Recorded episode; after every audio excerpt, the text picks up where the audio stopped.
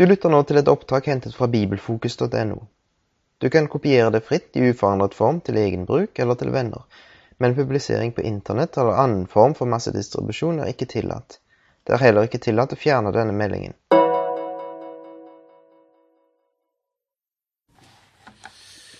Ja, låt oss be innan vi fortsätter.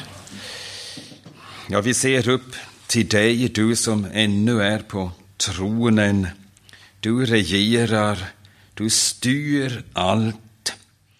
Och du regerar till dina återlöstas väl, till vår välsignelse.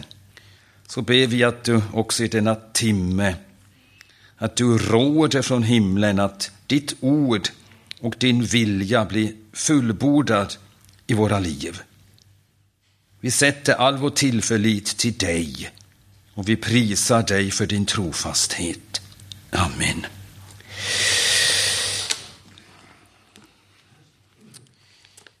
Ja, vi har två timmar kvar. Och jag visste nog att jag inte kommer att klara att gå igenom vers för vers hela andra Petrusbrevet. Vi såg igår i kapitel 2 vad som var den stora villfarelsen av de falska lärarna. De förvanskar nåden till utsvävning.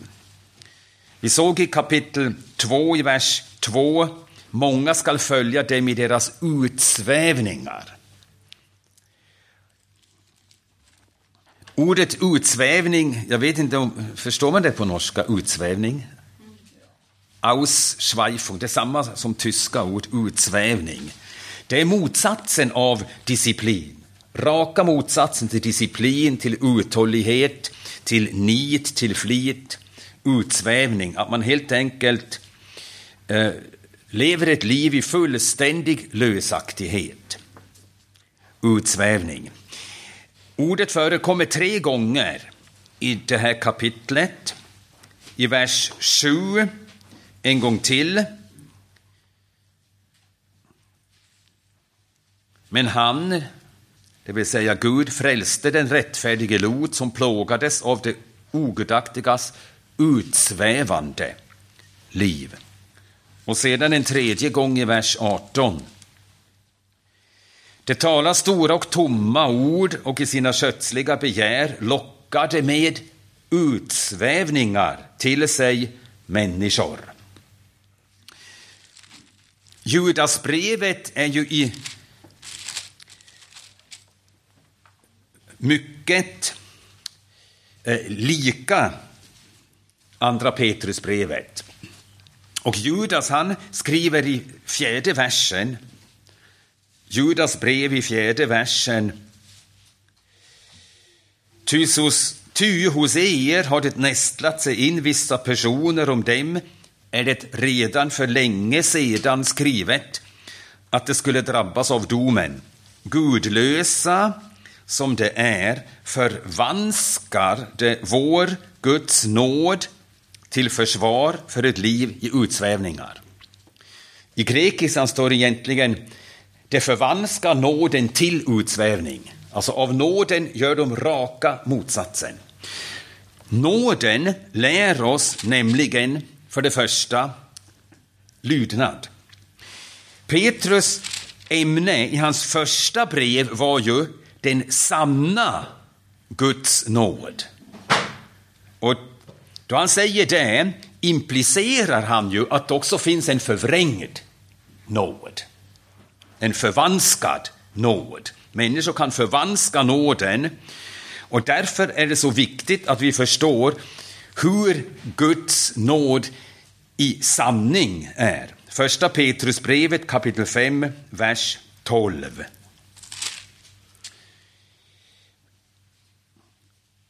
Första Petrus 5, vers 12.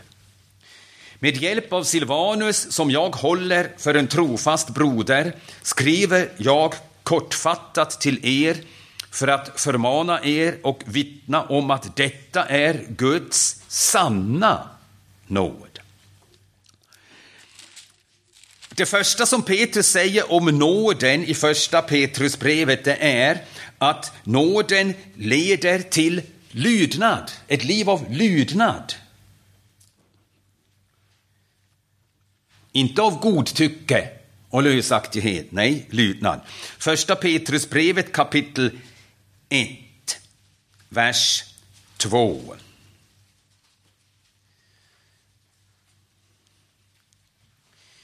Ni är av Gud Fadern förutbestämda. Eh, I grekiskan står ni är förut kända, zuvor erkannt, förut kända. Gud har känt oss innan vi var till i sin nåd och utvalt oss. Vilket syfte hade han med denna sin utväljande nåd till att helgas genom anden så att ni lyder. Nåden för till ett liv av lydnad. Paulus säger i Titusbrevet, nåden fostrar oss till ett liv av helgelse. Titus kapitel 2.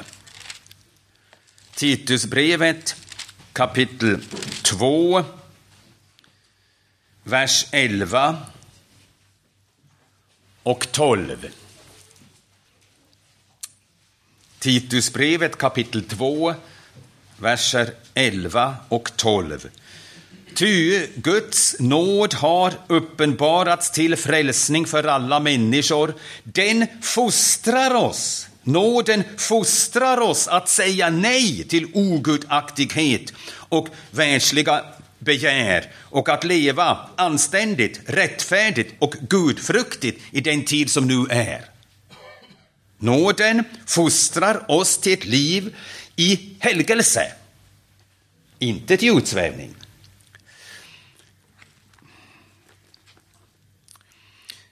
Guds nåd gör den som tar emot nåden flitig, arbetsam.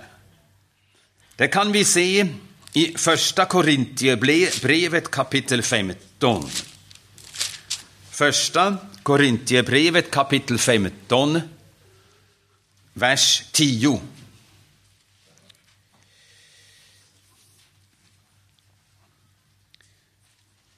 Första Korintierbrevet kapitel 15, vers 10. Men genom Guds nåd är jag vad jag är och hans nåd mot mig har inte varit förgäves utan jag har arbetat mer än de alla. Det var resultatet av nåden. Och en människa som verkligen har blivit frälst genom nåden och är regerad av nåden lever ett liv av arbete. Han arbetar i evangelium. Han tjänar, han lever för det andra. Han lever inte för att behaga sig själv i lösaktighet och i begär och i utsvävningar.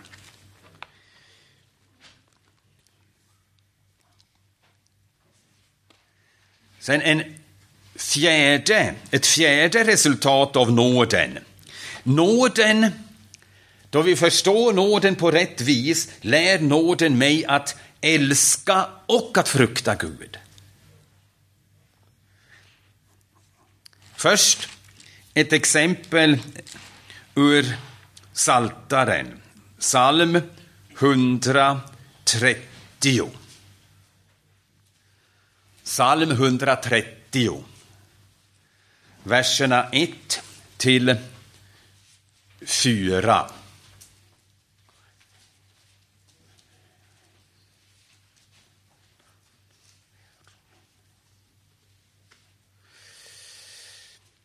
Psalm 130, verserna 1-4.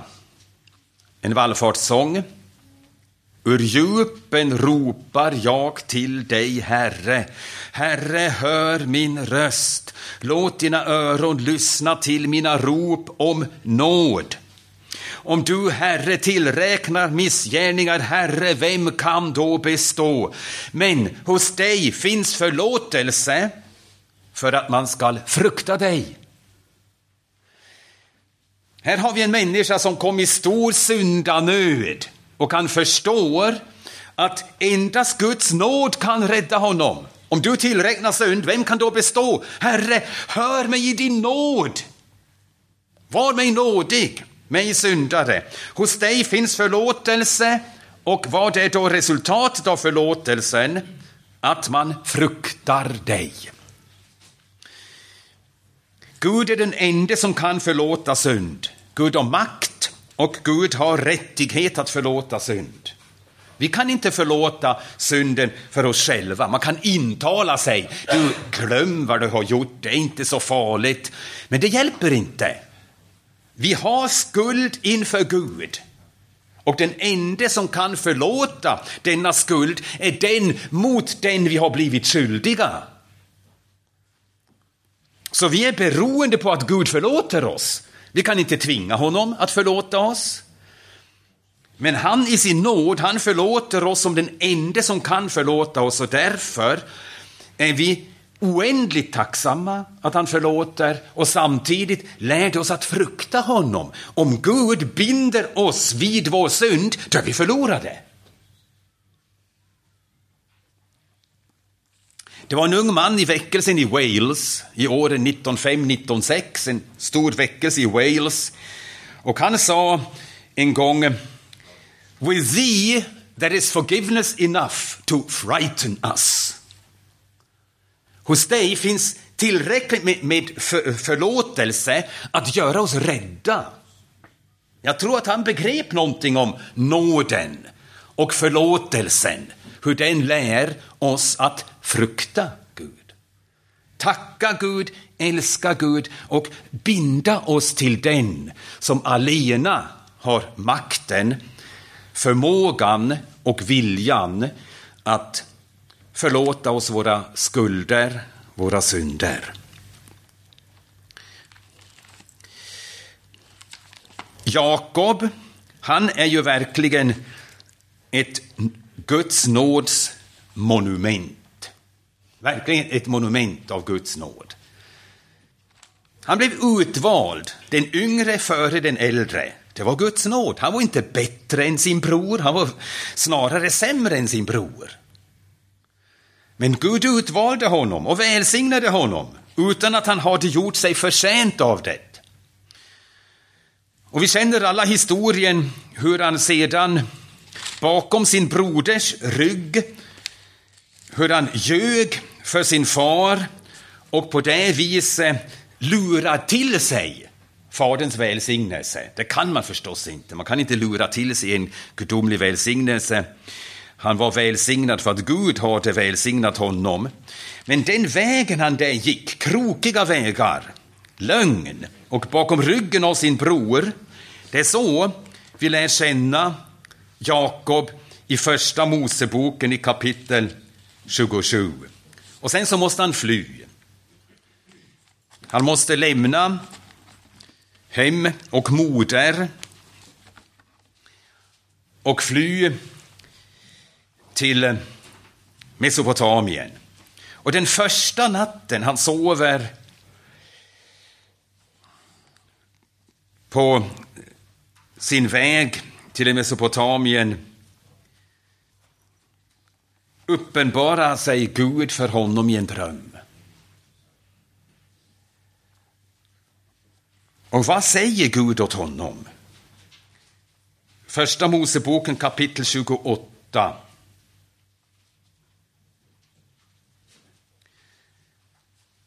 Vers 11.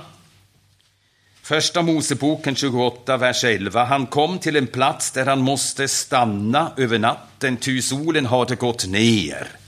Och han tog en av stenarna på platsen för att ha under huvudet och lade sig att sova.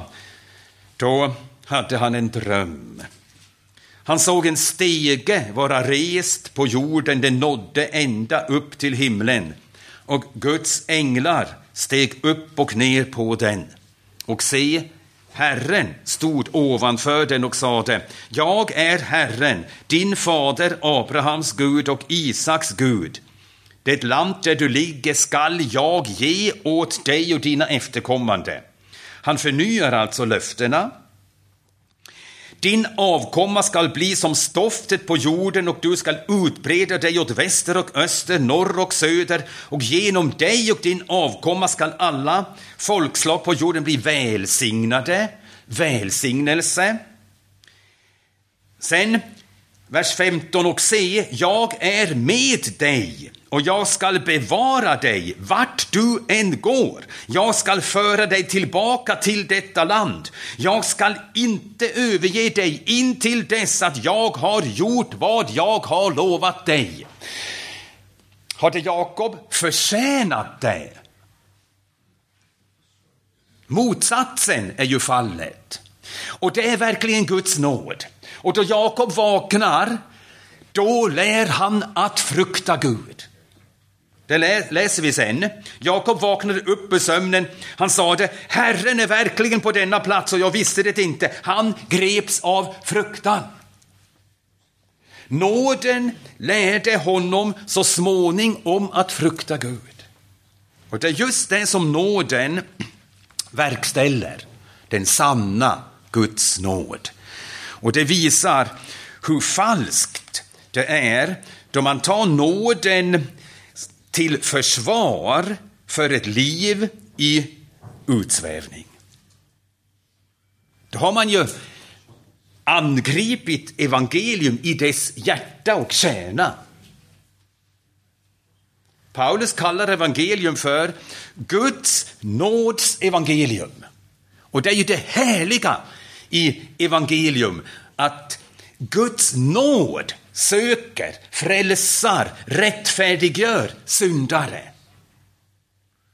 Och nåden, rätt förstådd, väcker i våra hjärtan en oändlig tacksamhet till all nåds Gud, kärlek till honom och därför att vi älskar honom fruktar vi honom. Vi älskar honom, därför kan vi inte förakta honom och hans vilja och hans bud. Vi älskar honom ju. Och därför fruktar vi honom. Så det är resultaten av Guds sanna nåd.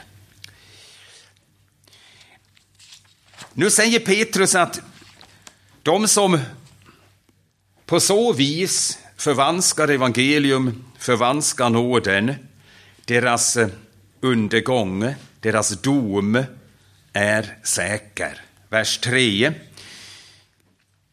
Andra Petrusbrevet kapitel 2, vers 3. I sin girighet kommer det att med falska argument sko sig på er, men domen över dem är sedan länge verksam och deras undergång sover inte. Det må dröja länge, det må dröja ett helt liv, men deras undergång kommer med absolut säkerhet. Och sen från vers 4 till vers 9 påminner Petrus om tre exempel ur det gamla testamentet som bevisar att Gud är en domens Gud. Gud dömer synd. Även om Gud är sen att döma, även om han är stor i tålamod. Och många människor tänker därför att Gud är stor i nåd och sen att döma, att han slutligen inte alls kommer att döma. Men det är en illusion. Gud är en rättfärdighetens och därför en domens Gud. Tre exempel som eh, ur Gamla testamentet som belägger detta faktum. Vi läser verserna 4 till 9. Ur andra kapitlet, verserna 4 till 9. Ty Gud skonade inte de änglar som hade syndat, utan kastade dem i avgrunden och överlämnade dem åt mörker och kedjor för att det skulle hållas i förvar till domen. Han skonade inte heller den gamla världen, men bevarade Noa, rättfärdighetens förkunnare, tillsammans med sju andra när han lät floden stiga över det ogudaktigas värld. Städerna Sodom och Gomorra dömde han till undergång. Han lade dem i aska och gav så ett exempel på vad som skulle hända det ogudaktiga. Men han frälste den rättfärdige Lot, som plågades av det ogudaktigas utsvävande liv. Den rättfärdige mannen bodde nämligen bland dem och dag efter dag plågades han i sin rättfärdiga själ av att se och höra det onda som de gjorde. Herren vet alltså att frälsa det gudfruktiga ur frestelsen och att hålla det orättfärdiga i förvar och straffa dem fram till domens dag. Gud han dömde änglar. Gud han dömde ett ogudaktigt släkte genom floden. Och Gud dömde Sodom och Gomorra. Dessa tre exempel bevisar just att så kommer att ske, som Petrus sa i vers 3, över de falska lärarna. Deras undergång sover inte. Tre olika exempel på att Gud dömer. Det första exemplet är änglar. Inga frälsta. Det andra exemplet Noa och hans generation. Noa och hans familj blev frälst.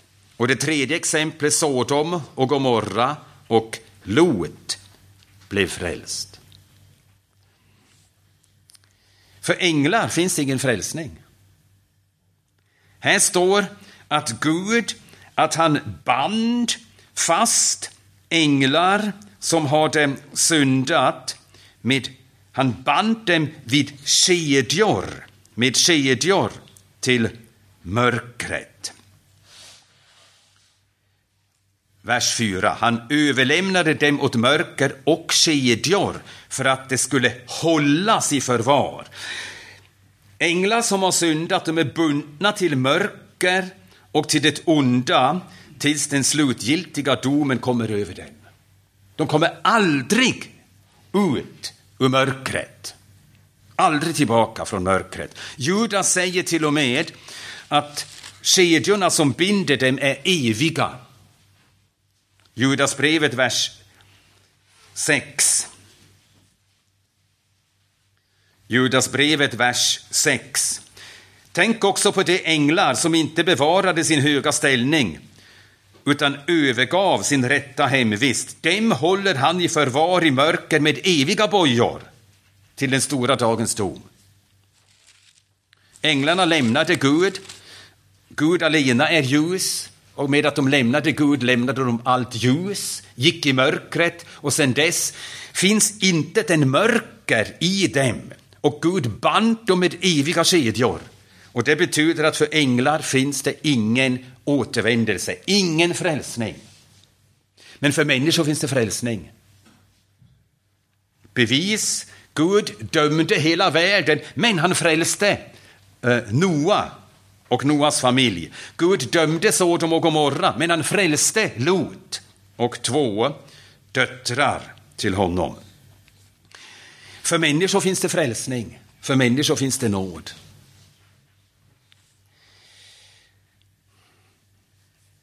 Gud demonstrerar med änglarna att han inte är skyldig att hämta tillbaka sådana som har avfallit från honom.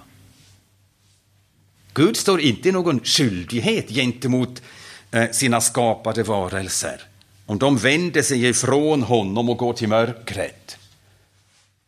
Han är rättfärdig om han låter dem gå, om man låter den följa sin egen vilja och förbli där. Men Gud frälser människor och demonstrerar att han i sin fria nåd, oförtjänta nåd, är beredd inte bara att hämta oss tillbaka, dra oss tillbaka ur mörkret till ljuset, han är också beredd att betala för vår skuld. Han är beredd att betala det högsta priset för vår skuld. Han är beredd att utge sin son för vår Han är beredd att lägga vår synd på sin son. Tillräkna vår synd till honom, den rättfärdige. Tillräkna vår orenhet till honom, den rene. För att tillräkna oss Kristi rättfärdighet och tillräkna oss Kristi renhet. Det har Gud gjort i sin nåd. Och om vi tänker på det, då förstår vi kanske ännu tydligare hur förkastligt det är att ta nåden som ett argument för att leva sitt egna liv efter godtycke, i lösaktighet, utan att lyda, vilja lyda Gud. Och därför är domen av de som förvränger evangelium rättfärdig. Men samtidigt, som vi läser i vers 9, här i andra Petrusbrevet, Herren vet att frälsa de gudfruktiga ur frestelsen. Då man läser om förförande som kommer, då vi läser om villolärare som kommer, då kunde man ju bli ängslig och tänka, hur ska jag klara mig? Då förförare kommer och förförelsen blir allt starkare och breder ut sig allt mer. Hur ska jag klara mig? Gud, han förmår att bevara det gudfruktiga i frestelsen.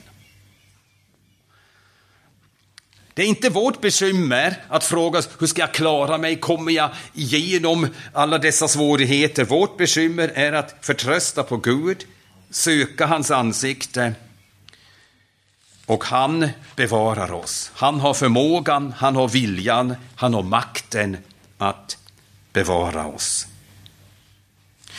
Sen kommer en beskrivning i all detalj över villolärarnas karaktär. Jag har ställt upp en lista på 18 olika egenskaper och de finns i verserna 10 till 18.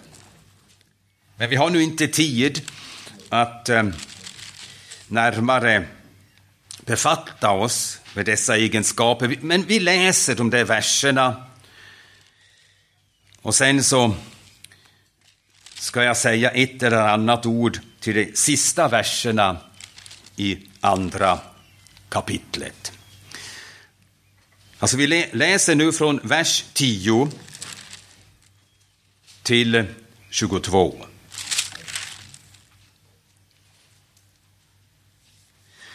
Särskilt dem som i orent begär följer sina köts, sin kötsliga natur och föraktar Herren.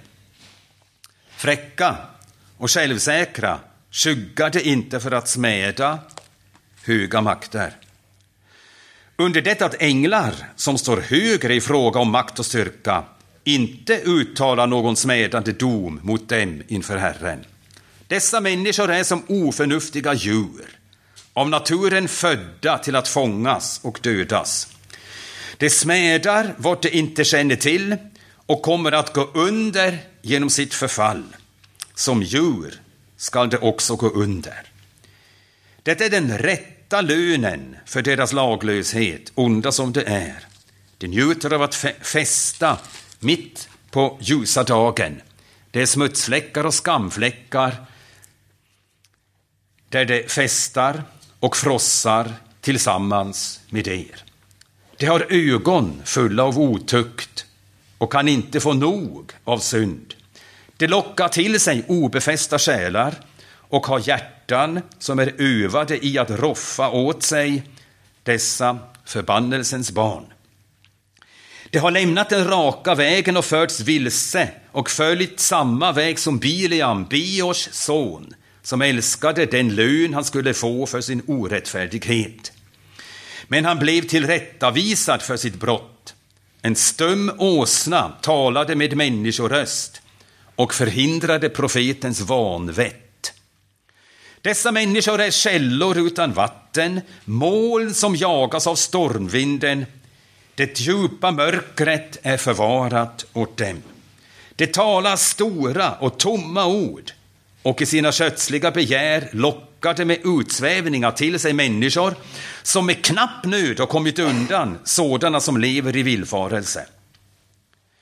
Det lovar dem frihet, men själva är slavar under fördärvet. Ty det man besegras av är man slav under.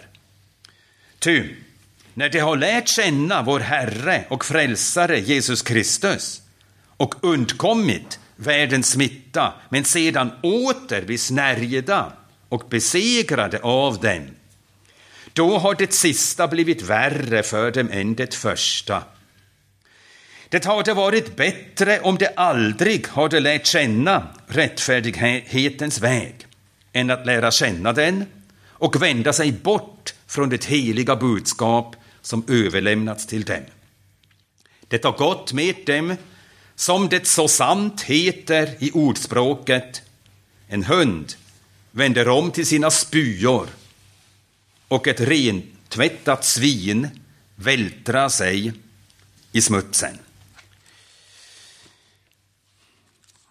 Här alltså har vi egenskaper av förförarna. Och de sista verserna, de eh, ger oss en viktig förklaring. Förförare, de kommer ju inte öppet som förförare. De, kommer, de är vargar, visst, men de är iklädda i fårpäls. De talar som får, de beter sig som får. Från ytan skulle man tro att de är får, de är med i jorden, blandar sig bland de andra fåren som är Kristi får. Och så tränger de in, smyger de sig in i församlingarna och börjar sprida sitt gift. Men här nu läser vi i verserna 20, 21 och 22 att de aldrig var Kristi får. Att de aldrig var födda på nytt. De hade lärt känna, vers 20, vår Herre och Frälsare Jesus Kristus. Och de hade undkommit världens smitta. De hade inte undkommit fördärvet som är i världen. Det är en viktig skillnad här mellan vers, kapitel 1, vers 4 och här kapitel 2, vers 20. De sanna troende, de har kommit undan fördärvet som finns i världen. Kapitel 1, vers 4. Genom dem har han gett oss sina dyrbara och mycket stora löften för att ni i kraft av dem skall få del av gudomlig natur sedan ni kommit undan det fördärv som på grund av begäret finns i världen. Men villolärarna, vargarna i fårpäls, de hade bara kommit undan besmittelsen. De hade renat sig på ett ytligt sätt från världens orenhet. De hade upplevt en viss yttre reform i sitt beteende, men de var aldrig förnyade genom födsel ovanifrån, genom födsel av den helige Ande. Och om det här sägs om dem, igen kapitel 2, vers 20, de har lärt känna vår Herre och Frälsare Jesus Kristus. De hade förstått Jesus, han är Kristus. Jesus och Nasaret, han är Messias. Man kan förstå, man kan erkänna att Jesus, han måste ha varit sänd av Gud utan att vara född på nytt. Nikodemus är ett exempel. Han kom till Jesus en gång en natt och sa Ja, du måste vara sänd från Gud. Det märks på dessa tecken och under som du gör. Och Jesus svarar och säger, du är så blind, du är blind som en mullvad. Du kan inte ens se Guds rike. Johannes 3, vers 3. Han var inte född på nytt. Och ändå kunde han förstå, Jesus måste vara sänd av Gud. Pilatus hustru, eller kone som ni säger, Matteus 27, vers 19. Hon förstod, Jesus är rättfärdig. Han är inte som andra människor. Och till och med Pilatus förstod, han är utan skuld, han är rättfärdig. Matteus 27, 24. Och en romersk officer som stod vid korset, då han såg hur Jesus dog, förstod han, han måste vara Guds son. Så man kan förstå mycket över Jesu identitet, vem man verkligen är, utan att vara född på nytt. Och man kan ta emot den riktiga trosbekännelsen. Och vi vet ju att i de protestantiska länderna under eh, generationer har miljontals människor haft den rätta trosbekännelsen och söndag för söndag uttalat den. Och eh, mer eller mindre trott, ja visst förhåller det sig så, utan att vara födda på nytt. Så man kan känna Jesus, veta vem han är. De har lärt känna vår Herre och Frälsare Jesus Kristus.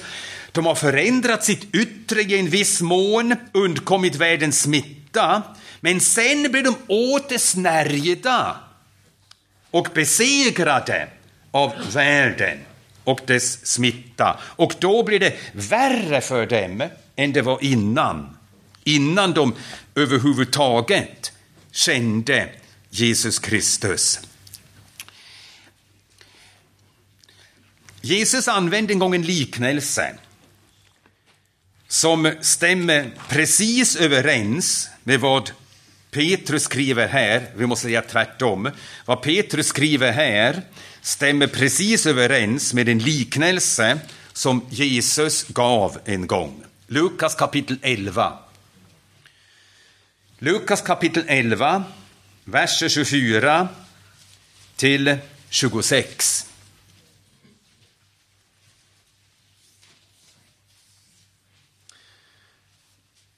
Lukas kapitel 11, 24 till 26. När en oren ande har farit ut ur en människa vandrar han genom ökentrakter för att leta efter en viloplats. Men om han inte finner någon tänker han, jag vill vända tillbaka till mitt hus som jag lämnade. När han så kommer och finner det städat och pyntat ger han sig av och tar med sig sju andra som är värre än han själv. Och de går in och bor där, för den människan blir det sista värre än det första.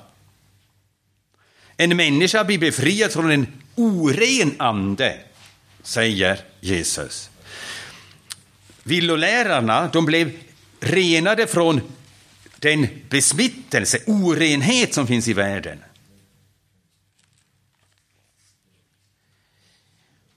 Och sen så vänder den onde anden tillbaks och vad ser han? Huset är verkligen städat och pyntat. Det har blivit reformerat, men det är tomt.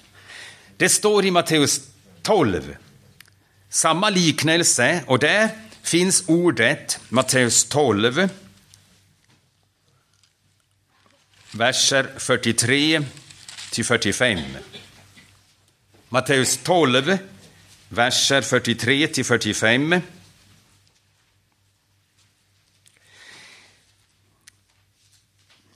När en oren ande har farit ut ur en människa vandrar han genom ökentrakter och letar efter en viloplats men finner ingen. Då säger han, jag vill vända tillbaka till mitt hus som jag lämnade.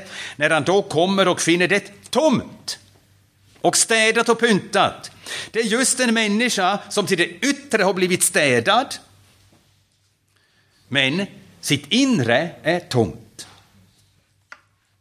Han har inte blivit född på nytt. Kristus lever inte i honom. Tom. Och då går den anden bort och tar med sig sju andra andar, andar värre än han själv och går in och bor där och då blir det värre med den människan än vad det var innan.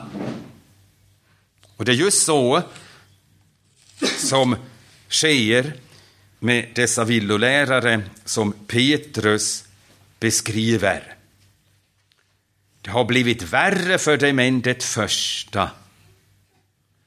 Inte bara är de själva förförda, men de förför också andra. Värre än innan.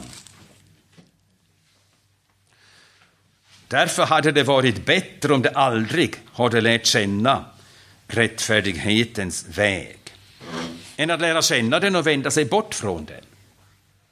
De kände vägen. Och ändå kände de den inte, ty vägen är ju en person. Kristus är vägen. De kände honom inte på det viset att det uppstod en förbindelse mellan Kristus och dem. Man kan känna och känna. Det finns en sorts kunskap som bara är intellektuell. Och så finns det en kunskap som för till att man blir ett med Kristus. Första Korintierbrevet kapitel 8.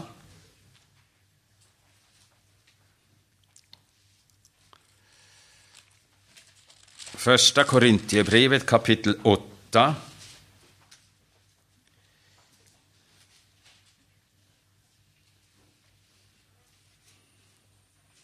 Vers 1 och 2. Här läser vi Första Korintier 8, verser 1 och 2. I fråga om kött från avgudaoffer vet vi att alla har kunskap, men kunskapen uppblåser och kärleken uppbygger. Alltså det, en, det finns en sorts kunskap som bara uppblåser. Då tror du om dig själv att du är absolut okej okay och du är riktig och du måste inte ändra dig, ingenting. Kunskap som uppblåser. Man kan veta de rätta sakerna och vara uppblåst. Om någon tror sig ha kunskap om något så vet han ännu inte det han borde veta. Och de hade en sådan kunskap om Kristus och om vägen. De var uppblåsta på grund av den kunskapen, kände sig överlägsna andra. Därför hade det varit bättre om de aldrig hade lärt känna rättfärdighetens väg än att lära känna den och vända sig bort från det heliga budskap som överlämnats till dem. Ja, man kan till och med tro på Jesu Kristi namn utan att vara frälst. Det läser vi i Johannes evangelium kapitel 2. Johannes evangeliet kapitel 2 verserna 23 till 25. Johannes 2, verser 23 till 25. Medan han var i Jerusalem under påskhögtiden kom många till tro på hans namn när de såg det tecken han gjorde. Och då skulle man ju tänka, underbart, många kom till tro på hans namn. Det bästa som eh, vi kan hoppas på. Många kom till tro på hans namn när de såg det tecken han gjorde. Men, och nu kommer ett ord men, som eh, visar att, eh, vad, det, vad det var för en tro. Men själv anförtrodde han sig inte åt dem eftersom han kände alla. Han visste vad det var för en sorts tro. Den sortens tro som också demonerna har. De tror också att det finns en Gud och de darrar inför honom. Men de är inte frälsta för den sortens tros skull.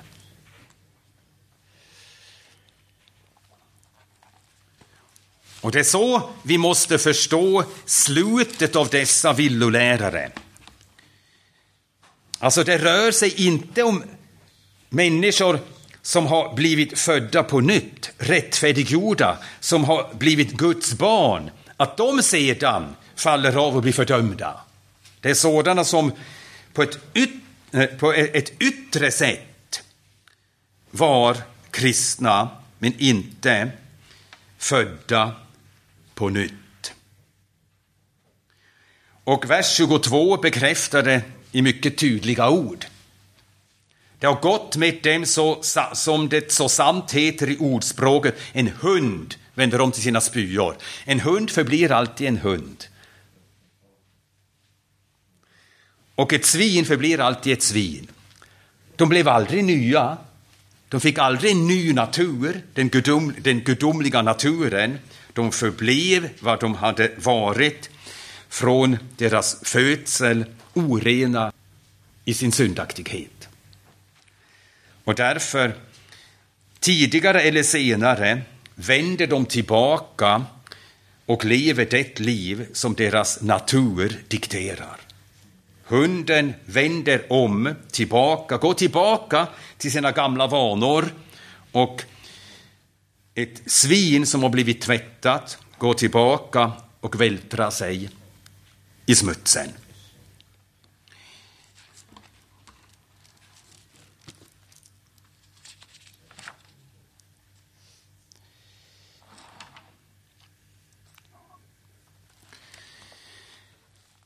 Ja, så kommer vi då till kapitel 3.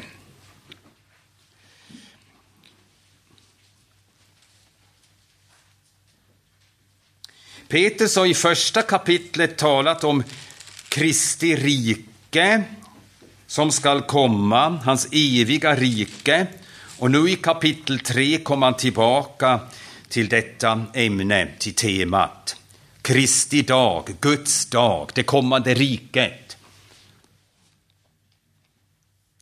Kristi återkomst.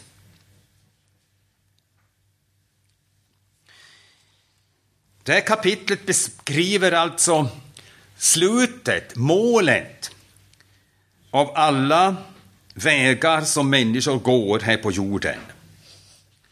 Och slutet kommer att motsvara den vägen du har gått. Har du gått livets väg så kommer slutet att vara härlighet. Har du gått syndens väg kommer slutet att vara skräck och undergång.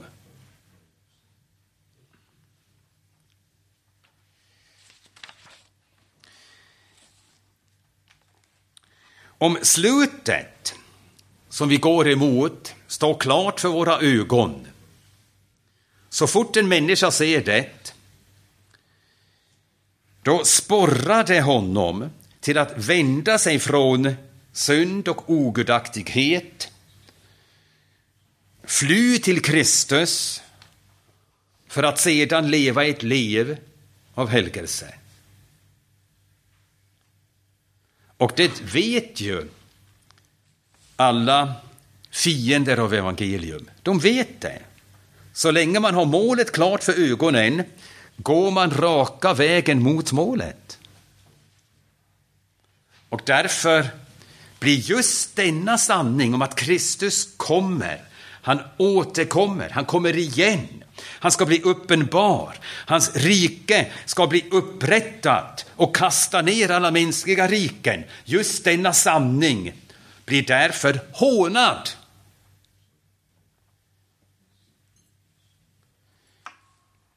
I denna avsikt att man inte längre talar om det och till slut själv inte vågar tro det längre.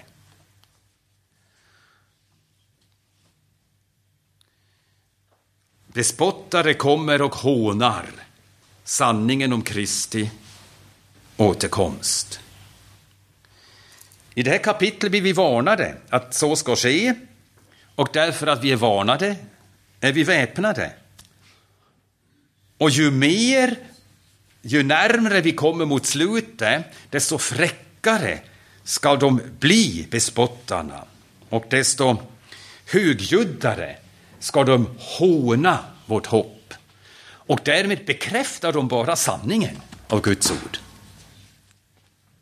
Och därför är vi så tacksamma för att vi har blivit förberedda att precis det måste ske. Så tvärtom, genom allt detta förhånande blir vi inte osäkra utan desto säkrare att Guds ord är sant, att det går i uppfyllelse. Men därför att även kristna genom eh, självsäkerheten och eh, fräckheten av allt detta hånande kan, kan, bli osäkra. Det kan ju hända. Därför uppdagar Petrus först dårskapen av allt detta resonerande. Det är ju dårskap att säga, ja, redan våra fäder sa att Kristus kommer och deras fäder, våra förfäder, men ingenting har skett tills idag. Det har inte blivit någonting av ert hopp att Kristus kommer igen. Alltså han visar hur dåraktigt allt detta argumenterande är. Och sen så nämner han orsaken varför det dröjer ett tag till Kristus kommer igen. Inte för att han har glömt sina löften, inte för att Gud eh, tänker ja, det är inte så viktigt, eh, vi gör någonting annat. Nej, det finns en god orsak varför Kristus inte har kommit ännu. I verserna 8 till 10. Och efter att ha röjt undan de där svårigheterna kommer han till sitt egentliga tema, verser 11 till 17, nämligen Kristi återkomst, Kristi dag, Guds dag, ny himmel, ny jord. Och sen i verserna 18 i versen 18 avslutar han sitt brev. Han har två stora önskemål. Det är de sista önskemålen han har. Att de troende att de ska växa i nåd och i kunskap och att hans Herre Jesus Kristus må bli förhärligad. Två stora önskemål. Och det var de två sakerna som drev honom hela sitt liv. Kristus ska bli förhärligad och Kristi folk ska bli välsignat. Och så levde han hela sitt liv. Och så slutar han därför också sitt sista brev. Petrus, eller Simon fiskaren som blev till Petrus, Kristi tjänare och apostel. Så, nu gör vi paus och sen har vi en timme att försöka att förstå två, tre huvudsaker ur det sista kapitlet.